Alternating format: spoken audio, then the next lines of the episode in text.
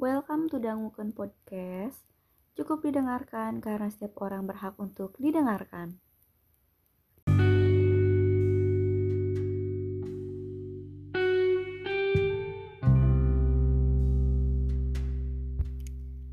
Oke, jadi ini adalah podcast yang aku buat secara spontan.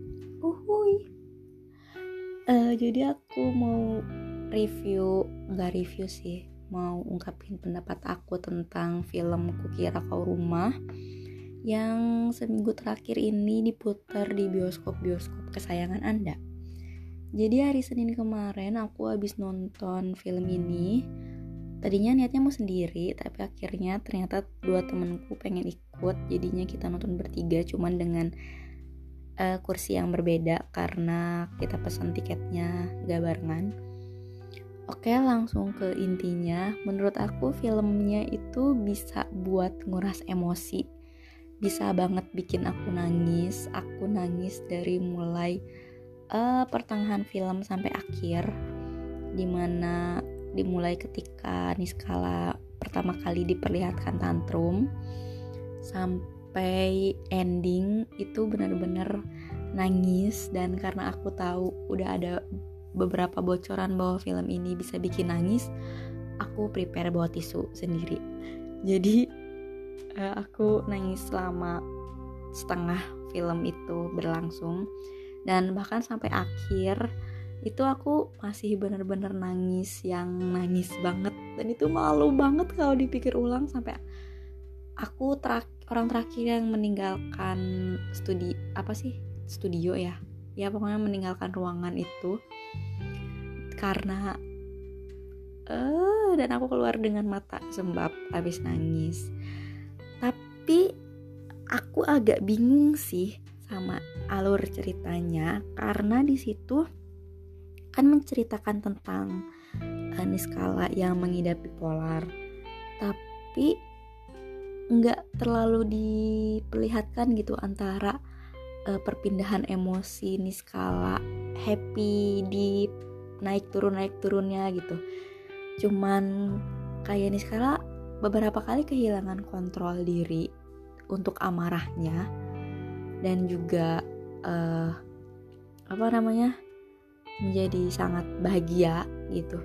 Tapi untuk kesedihannya tuh menurut aku pribadi kurang gitu kurang dapat dan malah setengah akhirnya itu, itu untuk di setengah awal setengah akhirnya itu malah lebih banyak sedihnya gitu daripada senengnya daripada naik turun senengnya gitu. Terus yang kedua alur lompatnya sih bunuh dirinya menurut aku itu uh, pemilihan tempatnya kurang pas. Karena kalau kalian udah nonton kalian pasti tahu itu dia mereka uh, sebenarnya skala tuh nggak niat buat bunuh diri dan dia tuh asal naik aja gitu. Cuman adegan bunuh dirinya tuh dan dan karena itu jadinya adegan bunuh dirinya tuh kerasa kurang natural gitu dalam artian nggak smooth gitu. Untuk kayak scene yang dipotongnya tuh kelihatan gitu kayak canggung banget. Ya lu mikir aja gitu. Lu udah di atas gedung tapi lu lu mau loncat tapi harus ngelewatin pagar sepinggang lu dulu. Sepinggang apa sebeti se, sepaha lu dulu gitu. Baru lu bisa loncat buat bunuh diri dan untuk loncat bareng-bareng berdua tuh sulit gitu. Ya ya mungkin untuk yang udah nonton kayak hmm oke okay, gitu. Terus juga yang ketiga uh, apa ya yang ganjil di film itu menurut aku itu soal VN Pram ke ibunya. Kayak hmm, terlalu monolog nggak terkesan tidak natural gitu. Kayak sastra banget gitu. Sementara buat kalau KVN sehari-hari kayak gitu kayaknya terlalu kaku gitu dan feelnya malah jadi aneh. Ya memang sastra sekali bagus. Tapi feelnya aneh aja gitu kalau misalnya itu adalah VN sehari-hari gitu kan. Terus kalian pasti akan bertanya lah tuh kenapa lu nangis? gitu. Jadi aku nangis tuh karena well aku tahu uh, hubungan itu berat dan berada di posisi itu berat karena akan merasakannya uh, berada dengan seseorang merasakan bahwa untuk bertahan bersama seseorang melihat sakitnya dia dan kita tidak ada ya di well di film itu. Karena di situ Pram cuma tahu bahagianya Niskala nggak tahu sakitnya Niskala. Maksudnya sakit di sini adalah saat dia merasa tersakiti gitu. Terus uh, beberapa kalimat Niskala ketika dia bilang aku capek aku capek itu benar-benar kayak nyentuh banget di hati aku menyentuh sisi emosional aku. Karena aku mengenal dan tahu juga gimana rasanya. Dan itu kayak oh I know what you feel. Aku tahu apa yang kamu rasakan aku tahu gimana capeknya. Dan aku pernah beberapa kali mendengar itu gitu keluar dari orang-orang terdekatku juga. Dan itu kenapa aku bilang uh, aku dapat untuk feel emosinya. Karena jujur sih sebenarnya selama film itu berlangsung setengah terakhirnya itu aku memikirkan bahwa itu adalah kami gitu. Niskala adalah seorang yang aku sayang dan Pram adalah aku yang well aku gak akan kepikiran buat bunuh diri sih karena ah itulah. Jadinya uh, aku memposisikan bahwa mereka adalah aku gitu cerita mereka kurang lebih 10 persennya yang aku rasakan juga gitu.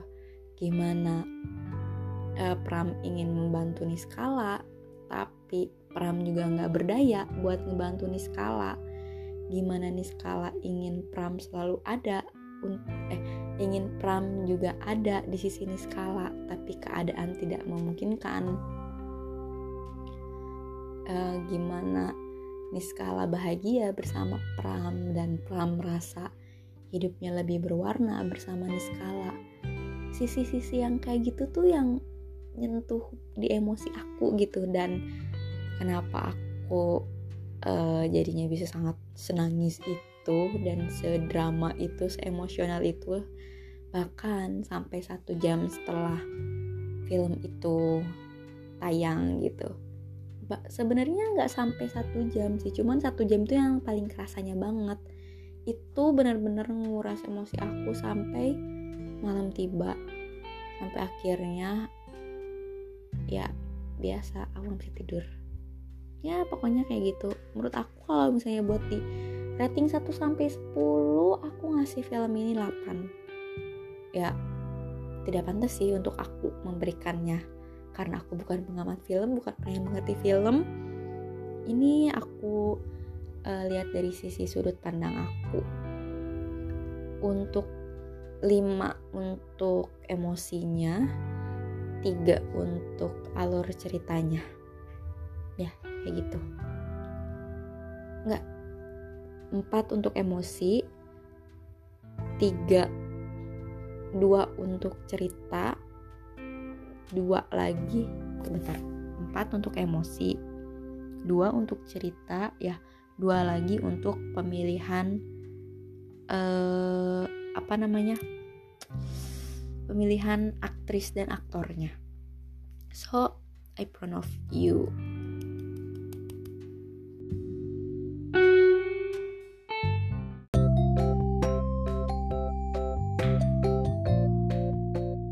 Terima kasih sudah mendengarkan. Jangan lupa like kalau bisa dan share. Itu yang paling bisa. See you in the next time. Bye bye.